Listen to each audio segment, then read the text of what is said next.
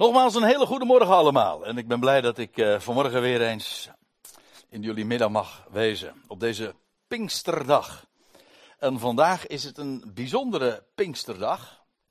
En dat realiseerde ik me pas zojuist voordat we in de dienst even nog met elkaar uh, spraken en baden in uh, de kamer hiernaast. Want toen werd ik erbij bepaald dat het vandaag ook het Joodse wekenfeest is. Dat wil zeggen, vandaag, eigenlijk is het zo dat het christelijke Pinksterfeest is afgeleid natuurlijk van het Joodse Pinksterfeest, het, het wekenfeest, het Shavuot, heet, zoals dat uh, dan heet. Maar dat loopt zelden synchroon of uh, gelijk met, de, uh, met onze kalender. Maar nu toevallig een keertje wel. Dus het is ons Pinksterfeest, maar voor de Joden is het ook het Pinksterfeest. En het zou heel goed kunnen dat u van nu denkt, terwijl u naar de, het projectiescherm kijkt, dat uh, hier een foutje is gemaakt, want er staat Paulus Pinkster toespraak in Jeruzalem. En ik kan me voorstellen dat sommigen gedacht hebben, hé, hey, uh, Paulus Pinkster toespraak in Jeruzalem, dat moet toch zijn Petrus Pinkster toespraak in Jeruzalem. En dat had inderdaad heel erg voor de hand gelegen. En toch is het absoluut geen fout. Want het woord Pinksteren, dat komt twee keer voor in het boek Handelingen. Laat ik me daar even toe beperken. We weten allemaal, als tenminste, ik stel me zo voor, de meeste van u weten wel dat als we het over Pinksteren hebben, ja, dan hebben we het over Handelingen 2. Maar het woord Pinksteren komt nog een keer voor in het uh, Nieuwe Testament. En daarbij wil ik straks u heel graag bepalen, maar ik, ik heb een nogal lange aanloop vanmorgen nodig. En dat komt omdat er eigenlijk een heel verhaal hier aan gekoppeld is. En laat ik eerst eens even lezen wat we, dan le uh, wat we vinden in Handelingen 2. Daar staat dit. In Handelingen 2, u moet zich voorstellen dat als we dan eventjes dat in de tijd een, ergens moeten aanwijzen, dan praten we over, nou ja, zo'n beetje uh, bijna 2000 jaar geleden, in het jaar 30 van onze jaartelling. Dus de eerste eeuw. En dan staat daar in Handelingen 2, en toen de dag van het Pinksteren helemaal vervuld was, u moet weten, Pinksteren, dat betekent eigenlijk gewoon vijftigste. Het Griekse woord wat hier staat betekent gewoon het vijftigste. Wat, wat moest men namelijk doen? Men moest dagen tellen. Vanaf de dag van de eersteling, ons Pasen zeg maar, moest men vanaf die dag vijftig dagen tellen. Zeven weken. Zeven maal zeven dagen. En dan, en dan lees je ook dat die, die periode heet ook de periode van de omertelling. Elke dag moest geteld worden. De weken ook, de sabbaten moesten geteld worden. En dat Betekent dus dat die periode tussen, ik noem het maar even zo, Pasen en Pinksteren, geteld werd.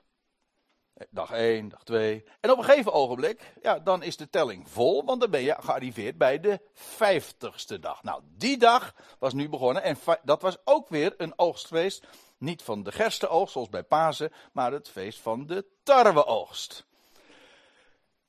Toen de dag van het Pinkster helemaal vervuld was, waren zij allen tezamen op dezelfde plaats. Zij allen, dat waren al degenen, in ieder geval de discipelen, apostelen, zo u wilt, uh, die in Handelingen 1 ook beschreven waren. En dan lees je, en ineens kwam er vanuit de hemel een, een, een weergalming, er staat in het Grieks ook letterlijk een echo, een weergalming als van een geweldige gedreven luchtstroom en vulde het hele huis waar zij zaten. Nou, u kent de rest van de geschiedenis, mag ik aannemen.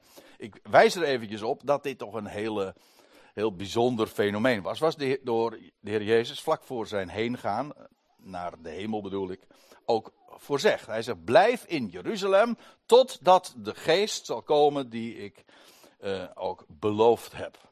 En dat was juist op deze dag. Deze vijftigste dag.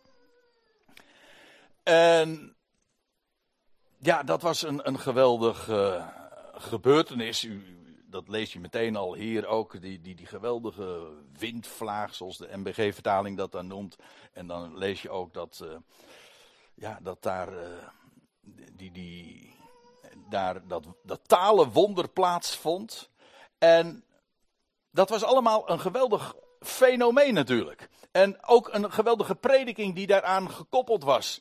Want dan lees je ook dat Petrus eh, het woord neemt als hij gaat, moet gaan uitleggen wat daar aan de hand is. Want u moet zich voorstellen dat op die Pinksterdag, daar in Jeruzalem, er pelgrims uit heel de wereld kwamen om in Jeruzalem, juist bij die gelegenheid, aanwezig te zijn.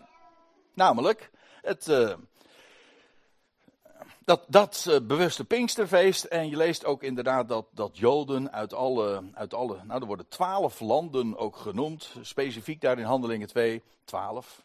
Heeft alles te maken met Israël. Dat uh, twaalf landen worden daar genoemd. En die waren daar vertegenwoordigd. En wat gebeurt er? Zij horen allemaal op een wonderlijke wijze.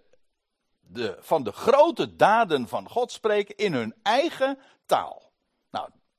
Wat is hier aan de hand? En dan is het Petrus uh, die dan antwoord gaan geven, want sommigen die spotten daar ook weer mee enzovoorts. Maar Petrus die neemt dan het woord en dan zegt hij, na een hele toespraak gehouden te hebben, dat is de beroemde Pinkstertoespraak natuurlijk van Petrus, dan zegt hij als conclusie, laat het hele huis van Israël dan zeker weten dat God hem, en dan heeft hij het over de Heer Jezus Christus, dat God hem tot Christus maakte, tot Heer en tot, Christ, en tot Christus maakte, deze Jezus die jullie kruisigde. Dat was, u moet zich voorstellen, dat was nog maar zeven weken daarvoor. Dat dat had plaatsgevonden. En nu uh, een heel nieuw perspectief uh, wenkte. Want nu wordt er gezegd van ja, dat zegt Petrus dan ook later jullie hebben in onwetendheid gehandeld. Dit moest ook gebeuren. De profeten hebben dit ook voorzegd. En nu, kom dan tot geloof en, bekering. Maar weet, jullie moeten weten, het huis van Israël, dat hele Pinksteren, dat is heel sterk gericht op Israël. Waarom?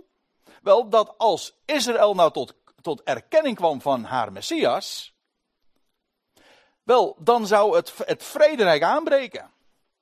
Dan zou ook het heil en de, geweldige zegeningen die God te, te bieden heeft, uh, via Israël ook naar de volkerenwereld gaan. Dat was het hele perspectief, dat was Pinksteren. Dan moet je heel goed voorstellen. En ik denk dat een heleboel mensen daar geen idee van hebben wat uh, de verwachting toen op de Pinksterdag was. Het heeft alles te maken met Israël. En als je trouwens even doorbladert in Handelingen 3, dat is dan even na Pinksteren, dan is Petrus die weer het woord neemt. Ook daar uh, in en nabij het uh, tempelplein, nee, op het tempelplein ook. En dan, ja, na aanleiding van een man die vanaf zijn geboorte al verlamd was, maar die genezen was in de naam van de opgewekte Messias.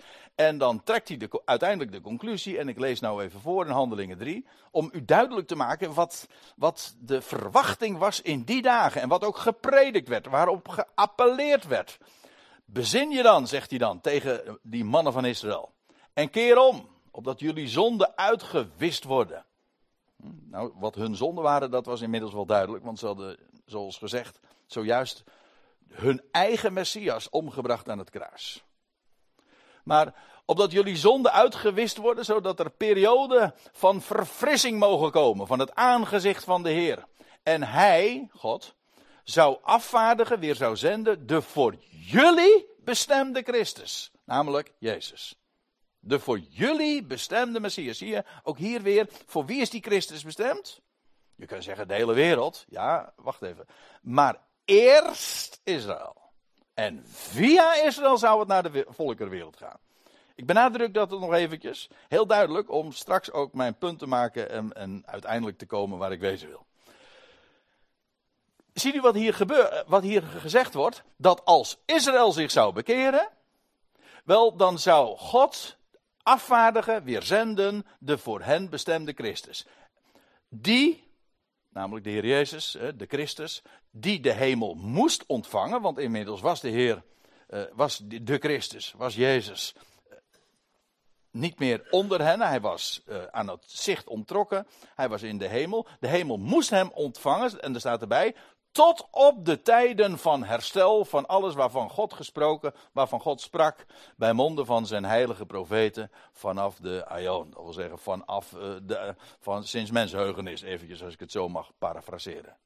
Dat wil zeggen, al die, alles waar de profeten van gesproken hebben, dat geweldige koninkrijk dat wereldwijd zal aanbreken, dat begint op het moment dat jullie tot bekering komen.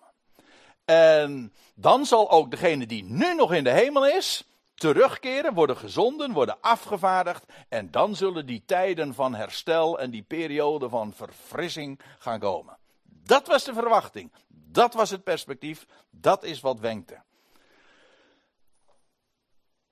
Nou kun je je afvragen, wat is daar eigenlijk van terechtgekomen? En dat, uh, zo, laat ik het zo zeggen. Zo bekend als Handelingen 2 is, dat wat er toen gebeurde. Ik bedoel, daar wordt al allerwege aandacht aan gegeven. Maar de grote vraag die zich nu in 2018 toch zo langzamerhand wel aan je opdringt, is: ja, maar wacht even. Wat is van dat perspectief eigenlijk geworden? Dat, is, is dat.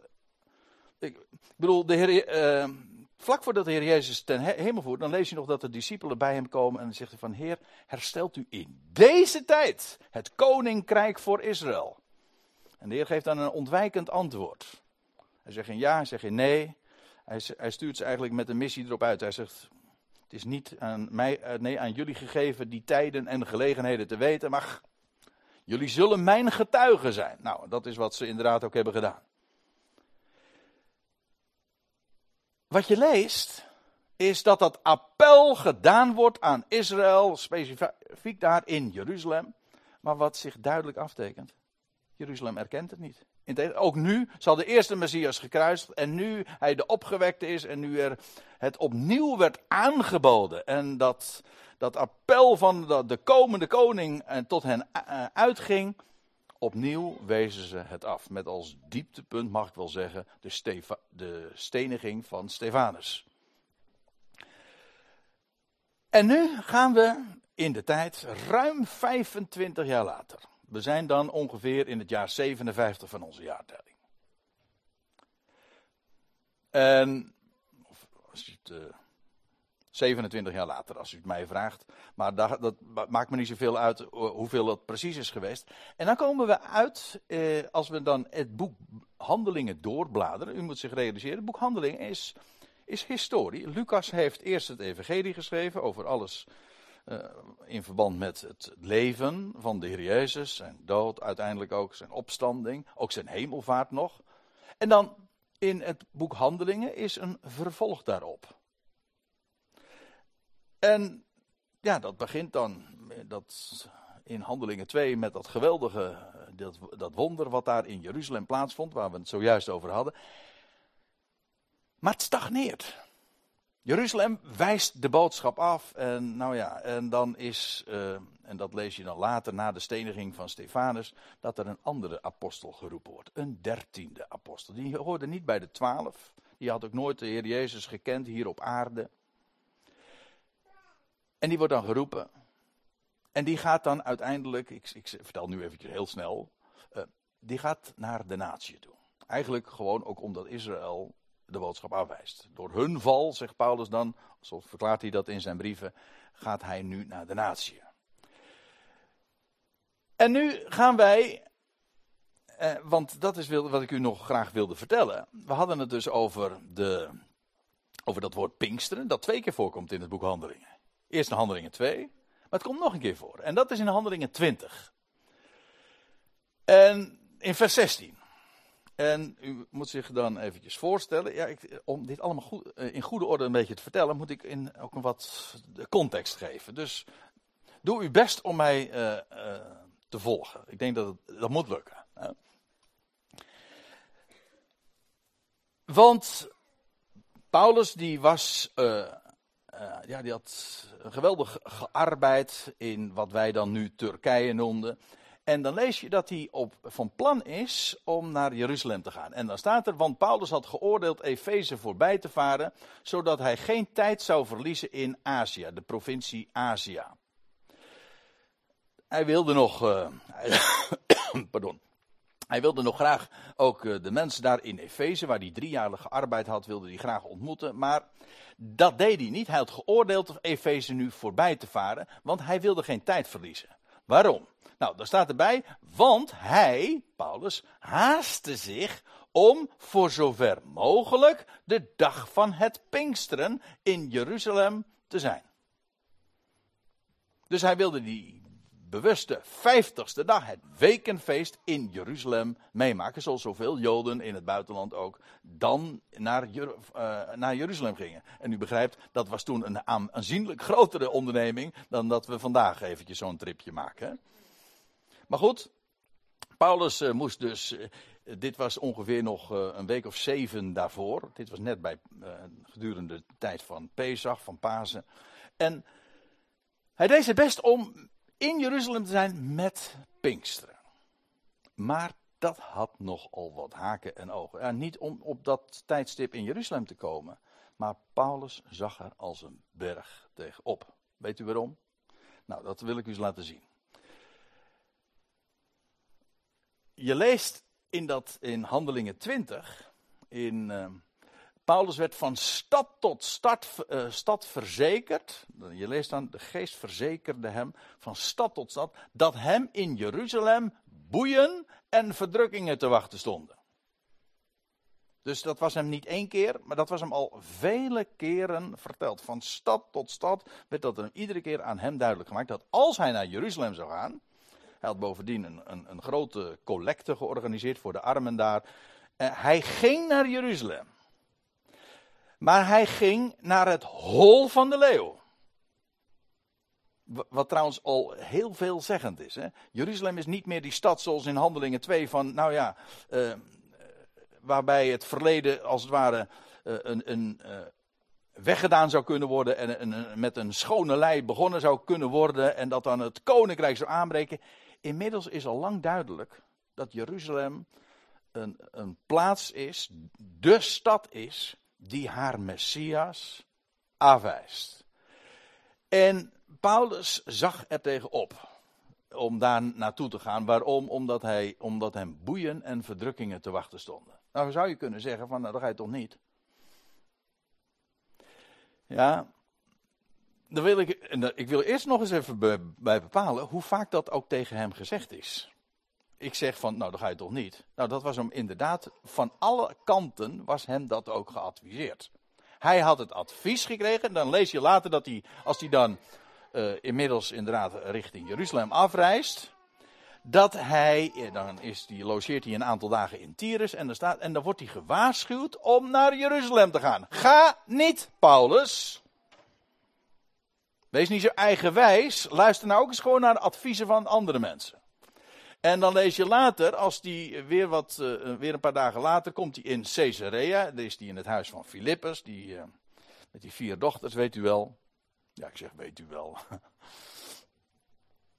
ja, niet alsof, niet alsof u die uh, dames zou kennen, maar zij, zij profeteerden, lees je ook. En wat zij profeteerden, ja, ik denk gewoon ook dit. Van, in Jeruzalem wacht je dit, staat je dit te wachten.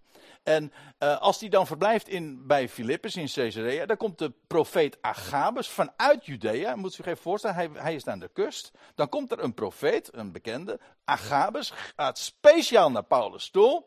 En die heel demonstratief met, met een mantel en een gordel enzovoort, maakt hij duidelijk dat, en, en verzekert hij Paulus dat hij daar in Jeruzalem gebonden en overgeleverd zou worden.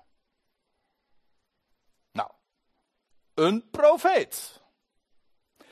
Die dat duidelijk maakt. En Paulus gaat toch. Uh, dan zegt hij, want dan zegt hij in, uh, in Handelingen 1 en 20, lees je dat dan in vers 13. Ja, in vers 13. En toen antwoordde Paulus, als dan ook nog de omstanders en ook Lucas, de schrijver, die betrekt zich er ook nog bij, die zegt van Paulus, we moeten dit niet doen. Van alle kanten wordt ons dit afgeraden, dit gaat gebeuren in Jeruzalem. En dan lees je dat Paulus zegt, toen antwoordde Paulus, wat doen jullie? Dat jullie huilen en het hart van mij zenuwachtig maken. Dat was emotioneel. En daar moet je tegen opgewassen zijn, tegen al die, ja, dat, dat, dat drama wat hem eigenlijk uh, voor ogen gesteld was. Van alle mogelijke kanten. En hij zegt: Wat doen jullie dat jullie huilen en het hart voor mij zenuwachtig maken? Hij zegt: Want ik sta gereed. Niet alleen om gebonden te worden, maar ook te sterven te Jeruzalem. Ten behoeve van de naam van de Heer Jezus. En dan lees je ook inderdaad uh, in vers 14. En toen hij toch niet te overreden was, dat was inmiddels wel duidelijk, hielden wij ons rustig, terwijl we zeiden: Laat de wil van de Heer geschieden. Dat was heel wijs van hen ook. Maar Paulus was volstrekt vastberaden. Hij wist ook wat hem te wachten stond. En je zou zeggen, het was een eigen wijsheid dat hij toch ging. Nee, hij moest in Jeruzalem zijn. Hij had ze namelijk wat te vertellen. En dat is die Pinkster toespraak van Paulus in Jeruzalem. Nou ja, eh, daar zijn we nog niet, maar dit is eigenlijk de inleiding. Dit moet ik u vertellen. Want ik wil ook daarmee laten zien hoe groot het contrast is. Handelingen 2. Een nieuwe bladzijde werd omgeslagen. Blanco. En, en, en, en, een geweldig perspectief wenkte van de, het koninkrijk. Ja, dat staat eigenlijk op het punt van aanbreken. Voor Israël en daarmee ook voor de hele volkerenwereld. Alles waarvan de profeten gesproken hebben, dat, dat, dat ligt zo binnen handbereik. In deze tijd, in deze generatie. Inmiddels in handelingen 20, 21 is dat helemaal niet meer aan de orde. Of in ieder geval uh, is dat niet meer het wenkende perspectief. Het is eigenlijk een, nu een, een, een, waarschuwing. Nee, dit gaat, dit gaat heel anders worden. Tot handeling 28 is nog steeds de deur in ieder geval op een kier. Het staat wel open, maar het is niet meer zoals in het begin dat dit uh, wachtte. Nou, dan lees je, ik, wil, ik moet nog eventjes een paar dingen vertellen voordat we bij Paulus' toespraak zijn. Uh, Paulus arriveert dan in, uh, in Jeruzalem. En hij ontmoet daar de broeders. En hij vertelt dan ook van het werk dat God doet onder de natie. Je leest dan vooral over zijn ontmoeting met Jacobus, de broer van de Heer.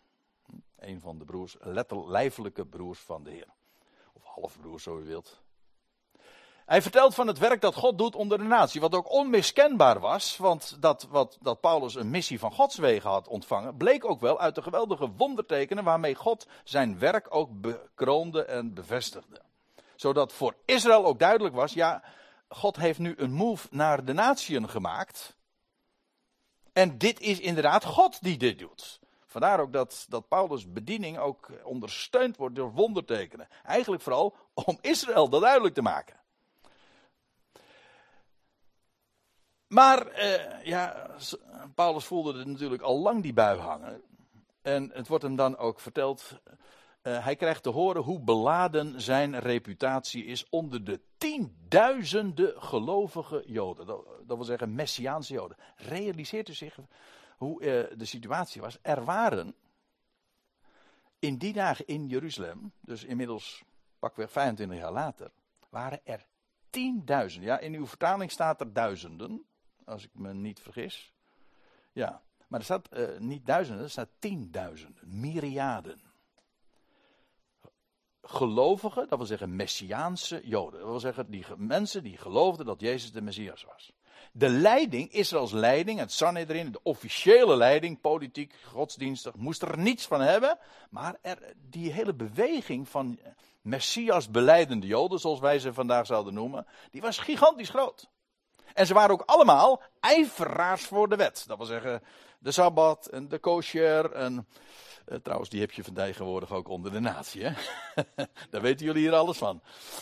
Ja. Maar goed. Want waarom was Paulus nou zo lastig daar in Jeruzalem? Nou, je zou dat uh, eens uitgebreid moeten lezen. Doen we nu niet, want dat, is, dat voert veel te ver. Maar het verhaal is eigenlijk heel gemakkelijk te zeggen. Paulus wordt verweten dat hij afval van Mozes leerde. Onder de Joden daar in het buitenland. Dat wil zeggen dat de Joden niet hun kinderen zouden moeten besnijden, niet de sabbat zouden houden en niet naar de gebruiken te wandelen. Lees het maar na, Handelingen 21, vers 21. Dat letterlijk zo. Dat wordt hem ten laste gelegd. En dan wordt hem, een, een, een, een nu hij in Jeruzalem is, wordt hem een voorstel gedaan. Eh, namelijk om het tegendeel te bewijzen, om de aanklacht die tegen hem gericht was, om die te ontzenuwen te, en te demonstreren dat het niet waar was wat ze, eh, waarvan ze hem beschuldigden. Om het tegendeel te bewijzen wordt hem geadviseerd zich te vervoegen bij vier mannen die een gelofte op zich hadden genomen. Dat wil zeggen, we hebben het hier over een Joods gebruik. En dan zou Paulus de kosten op zich nemen van de beëindiging van die gelofte. Dat wil zeggen, er moesten offerdieren uh, worden betaald en het hele ritueel kostte geld. En Paulus zou de kosten daarvoor op zijn rekening nemen. Dus, um, daar, zit, daar zit ook heel veel diepgang nog weer uh, ja, onder. En daar, daar zit een wereld van gedachten achter wat Paulus daar eigenlijk ook doet. Maar Paulus doet, stemt in met dit advies. Want Paulus leerde helemaal niet dat de Joden dat niet moesten doen. Paulus leerde vrijheid. Dat wel. Maar juist dat was een doorn in hun oog. Nou, en dan, uh, ja, dan komt Paulus uh, in de tempel daar in Jeruzalem. En dan, om al die rituelen te doen. En hij zou moeten gaan bewijzen, hij is echt een Joods, wetsgetrouwe Jood. Maar dan is hij daar in Jeruzalem. En dan, en dan wordt hij opgemerkt. Oei. U moet zich dus voorstellen, dit was inmiddels, dit was Pinksterfeest. Er waren vele uh, Joden dus uit het buitenland, ook daar in de tempel. En dan staat er, ik lees nu voor. Toen echter de zeven dagen op het punt stonden voltooid te worden, die, dat is de, de, de tijd van dat hele ritueel wat Paulus dan zou, uh, zou bekostigen, sloegen de Joden die van Azië waren, pelgrims dus, die Paulus kenden, die sloegen hem gade in de tempel en ze brachten hem heel de scharen in verwarring en sloegen de handen aan hem.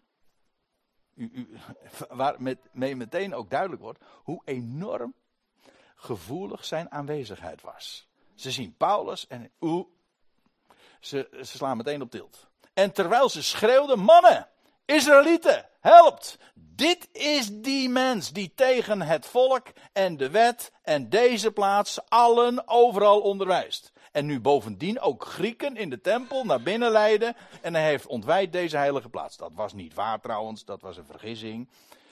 Maar goed, de rel is begonnen. En er wordt gezegd: Dit is die mens. Dit is de mens waarmee dus eigenlijk ook duidelijk wordt: als er één, ge, als er één ook omstreden was, dan was het juist Paulus. De hele stad nu werd bewogen. Dus, dus de, de roep die daaruit ging, die vond meteen ook weerklank. Ja, want, want Paulus lag daar in heel Jeruzalem. Onder al die tienduizenden gelovige Joden ook, lag Paulus uitgerekend zo bijzonder gevoelig. De hele stad nu werd bewogen en er ontstond de samenloop van het volk. En terwijl ze Paulus vastpakten, trokken ze hem buiten de tempel en onmiddellijk werden de deuren gesloten. En terwijl zij bovendien terwijl zij hem bovendien zochten te doden. Dat zou gebeuren nu. Ze zochten hem te doden. Kwam de melding boven tot de hoofdman over duizend. Dat is de burcht van Antonia, dat boven de tempel dan gelokaliseerd werd. En ja, die uh, hadden meteen in de gaten van dit wordt een rel daar onder de Joden. En wat gebeurt er? Uh, de melding komt bij de hoofdman over duizend van de legerafdeling dat geheel Jeruzalem in verwarring wordt gebracht. En dat kunnen die Romeinen natuurlijk niet over een kant laten gaan.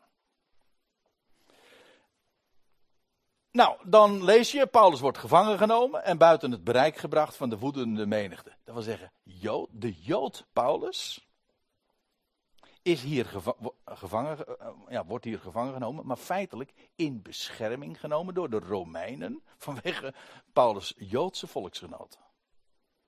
Hij wordt gevangen genomen en beschermd voor de woedende menigte. En dan staat hij de hoofdman, die Romeinse hoofdman, te woord. En Paulus zei lees, u ziet allemaal die versverwijzingen, dus u kunt het zo in uw eigen Bijbeltje ook nalezen. Paulus zei, inderdaad, ik ben een mens, Joods, een inwoner van Tarsus, van Cilicië, burger van een niet onbetekenende stad. Maar ik smeek u, sta mij toe om tot het volk te spreken. Dus Paulus is inmiddels in bescherming gebracht. Hij staat daar bovenaan, uh, bovenaan de trappen. En nou vraagt hij die hoofdman, uh, ik ben een Romein, zegt hij er dan ook bij. En Romeins burgerrecht. Hij zegt, ik wil graag hier in Jeruzalem, met hier, nu met Pinksteren, het volk toespreken.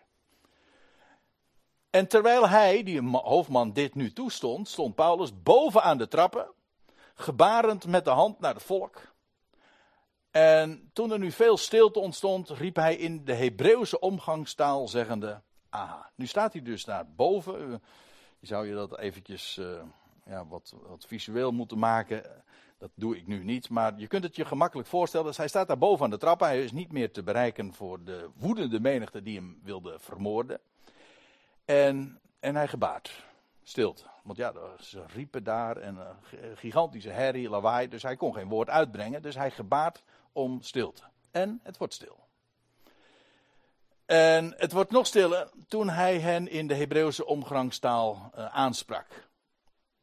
Mannen, zegt hij dan. Nu begint zijn toespraak. Uh, broeders en vaders, hoort mijn verdediging naar jullie toe. Nou, hij moest zich nu echt gaan verdedigen, want hij werd, dat is toch duidelijk, aangevallen. Maar toen zij hoorden dat hij hen in de Hebreeuwse omgangstaal, uh, het Hebreeuwse dialect staat er eigenlijk, uh, in, de Hebreeuw, in de Hebreeuwse dialect toeriep, hielden ze zich des te meer rustig en hij sprak met nadruk. Aha, deze man, die onder de natieën uh, werkzaam was, maar het blijkt dan toch een Hebreeër te zijn. Dat wekt in eerste instantie toch vertrouwen. En dus houden ze zich rustig. Nou, wat heeft hij nu ter verdediging dan te vertellen? Dan zegt hij weer: Ik ben een Joods man. Geboren in Tarsus van de Cilicië. Maar, zegt hij, grootgebracht in deze stad. Aan de voeten van Gamaliel. Dat was eigenlijk de rabbijn in die dagen. Gezaghebbend man. Een man waaruit trouwens ook blijkt hoe Paulus het ook gevorderd was daar in het Jodendom. Een, een, een, een rising star was, zeg maar. Hij, hij zou het gaan maken.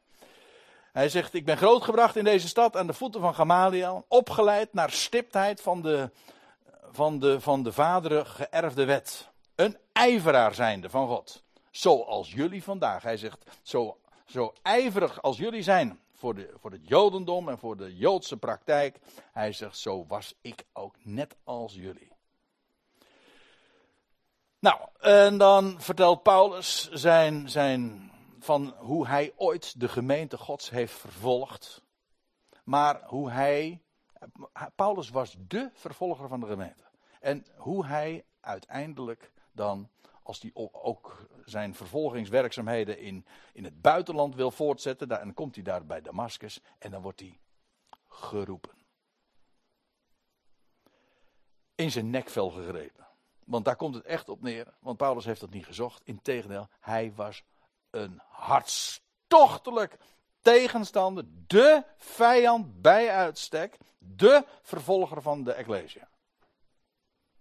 Hij was, er was niemand Joodser, Hebreeuwser dan hij. En zo'n tegenstander, en hij werd geroepen. En het werd hem duidelijk.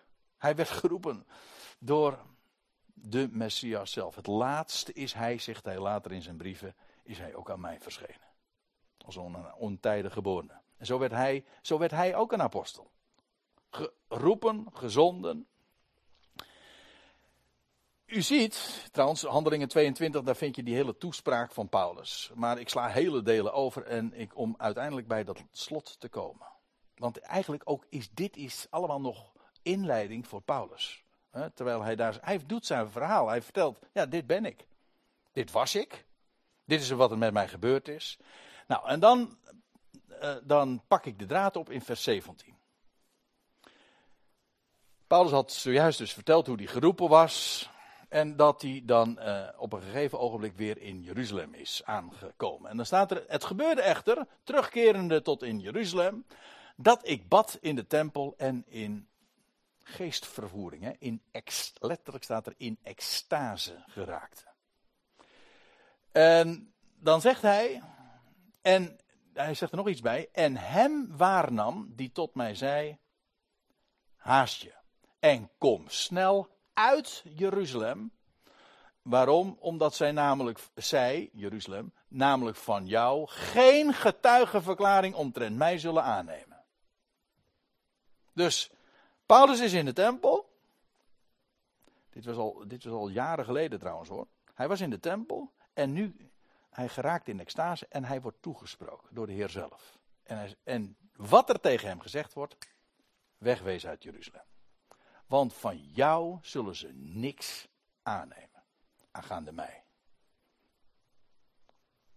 Geen getuigenverklaring, maar de opdracht is duidelijk. Namelijk, wegwezen. Snel uit Jeruzalem. Ziet u hoe uh, het plaatje hier heel anders is dan het Pinksteren in Handelingen 2? Hier is het niet meer Jeruzalem moet eerst weten en, en dan komt het koninkrijk. Nee, wegwezen uit Jeruzalem, want ze nemen het niet aan. Vandaar ook dat Paulus zo'n, al er iedere keer tegen opzag, dat lees je ook in zijn brieven wel, er tegen opzag om naar Jeruzalem te gaan. Want daar lag hij zijn naam zo gevoelig, vanwege zijn bijzondere missie. Ik bedoel eigenlijk ook dit te zeggen, eventjes tussendoor. Wat, met, ja, waar, waar we het vanmorgen over hebben. Een heleboel mensen die hebben het altijd maar over het pinksteren van Handelingen 2. En Paulus' toespraak, of Petrus' toespraak daar toen gehouden.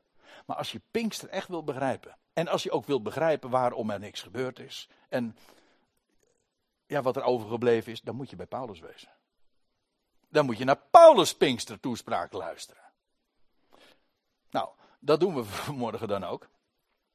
Want dan ga je ook begrijpen waarom eh, het gegaan is de afgelopen 2000 jaar zoals het is gegaan. Ik lees even verder. Dit was, werd hem dus verzekerd. Wegwezen uit Jeruzalem. Ze nemen het getuigenis van jou aangaande mij, hè, zegt de, de, Heer die hem aanspreekt, niet aan.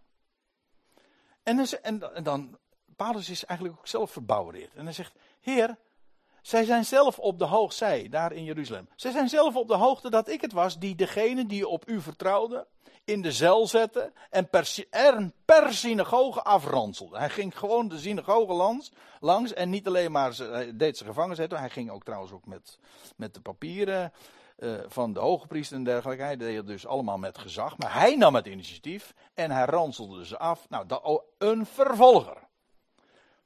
En toen hij eenmaal zijn taak gedaan had in, in, in, synago in de synagoge van, van Judea, nou, toen ging hij naar het buitenland toe. Zo eentje was Paulus dus. Hij zegt, heer, zij, zij weten dat toch allemaal? Ik was de man bij uitstek. En hij, hij, dan vervolgt hij, en toen het bloed werd vergoten van Stefanus, betekent trouwens letterlijk de kroon, de kroongetuige eigenlijk. Hè? En toen het bloed werd vergoten van Stefanus, de, de getuige van u, stond ik er zelf ook goedkeurend bij en bewaakte de bovenkleding van degene die hem uit de weg ruimde. Dat is de eerste keer dat de naam van Paulus, of Saulus zo u wilt, eh, ter sprake komt. Dat is juist bij de gelegenheid dat Stefanus gestenigd wordt. Officieel door het Sanhedrin zelfs. Door de Joodse Raad. Dus Paulus zegt van, hoezo dat ze, dat ze van mij niks willen aannemen? Ik, als er één is van wie ze het wel zouden moeten aannemen, is van mij. En hij, de Heer die tot hem sprak, die zei tot mij: Ga, want ik stuur je naar de natie, ver weg.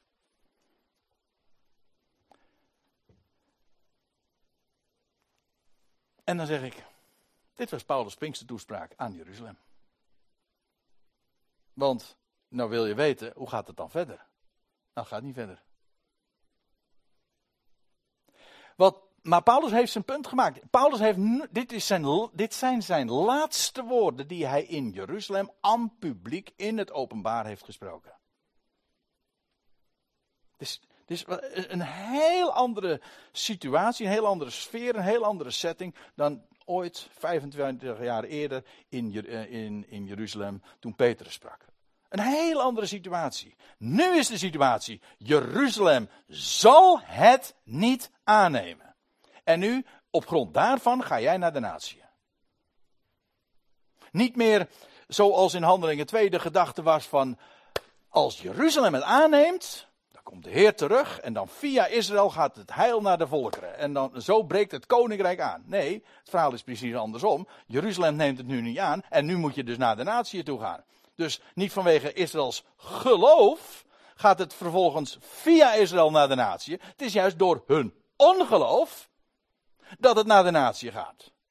Dat is wat Paulus in zijn brief ook iedere keer weer benadrukt. Ga, ik stuur je naar de natie, ver weg. En dan lees je dit. En zij hoorden hem, zij daar, al die woedende menigte die zich tot dusver stil had gehouden.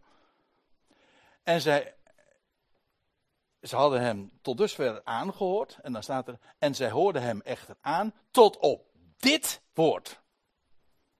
Deze laatste zin. Ga, want ik stuur je naar de natie, ver weg. Weet u waarom ze zo woedend waren? nou, het antwoord is, eh, is uh, heel eenvoudig.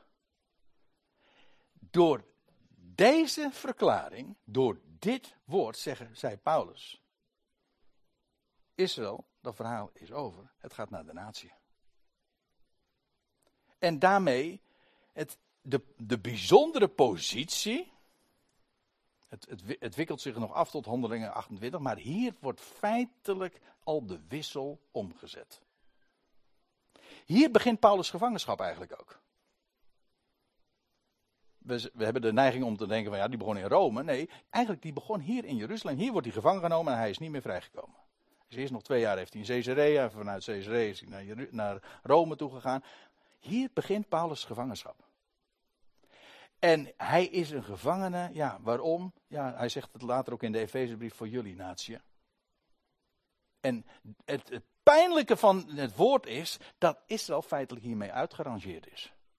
Op, niet tijdelijk, hè? want we weten allemaal dat er God nog een geweldige toekomst heeft voor Israël. Maar nu, in eerste instantie, nu is het verhaal. Israël accepteert het niet. Jeruzalem wijst haar Messias alsnog af van de opgewekte Messias. Nu gaat het naar de natie. Buiten Israël om.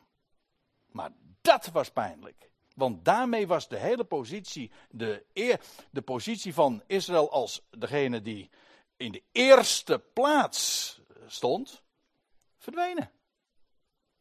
Integendeel, het was eigenlijk nog sterker. Nu ging het naar de natie. Dus als Israël het alsnog wilde vernemen, dan moesten ze onder de natie zich bevinden. En zijn als de natie. Nou, er zit heel wat aan vast. Maar ik wil eigenlijk ook uh, dit zeggen om aan te geven hoe enorm pijnlijk dit voor dat orthodox Joodse volk is geweest. Dat daar in, in, verzameld daar is met Pinksteren. Ziet u het enorme contrast? De boodschap is gegaan naar de natie van de opgewekte Heer. Maar het gaat buiten Israël om. En dat is ook geen kwestie van zien meer, maar van horen.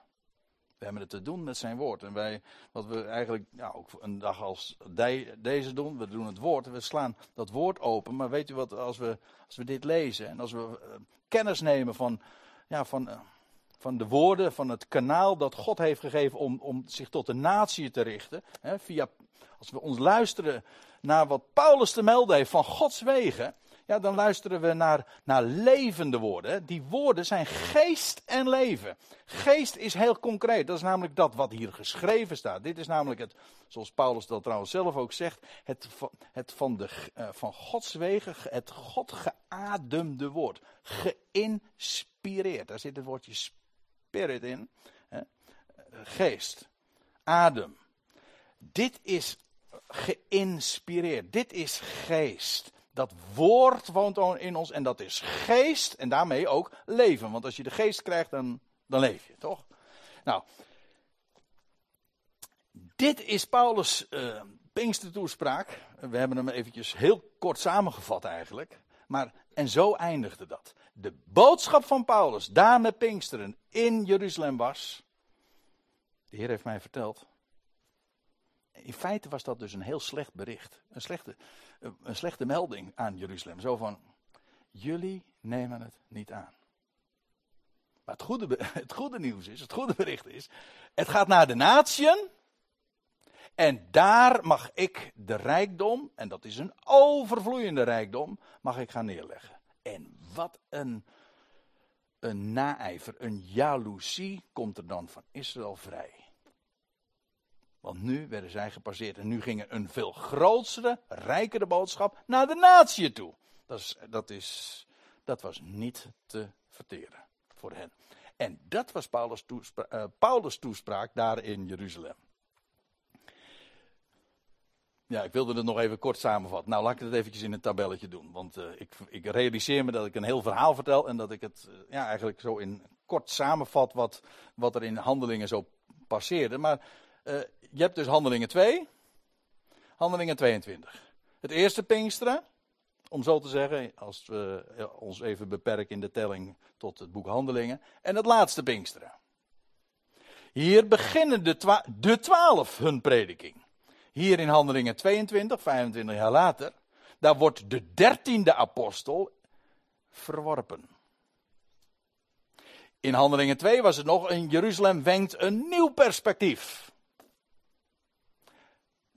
Hier in Handelingen 22, de donkere wolken pakken zich samen.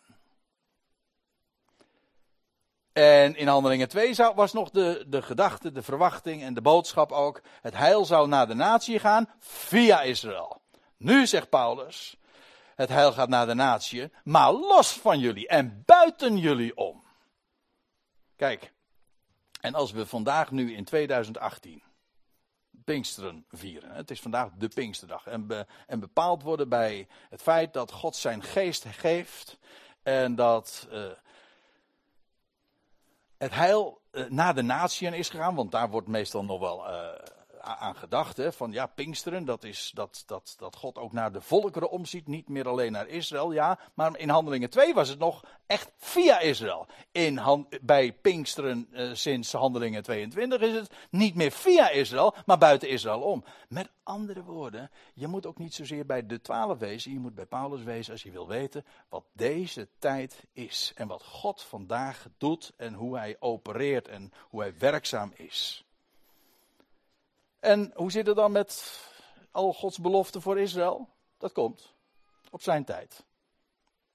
Als de termijn vervuld is, en de, de, de was vervuld, hè, maar ook de tijd die God nu naar de natieën is gaan, is ook bijna vervuld. En dan pakt hij weer de draad op met Israël. Want, zoals Peter zei, en daar eindig ik mee, God laat niet varen de werken van zijn handen.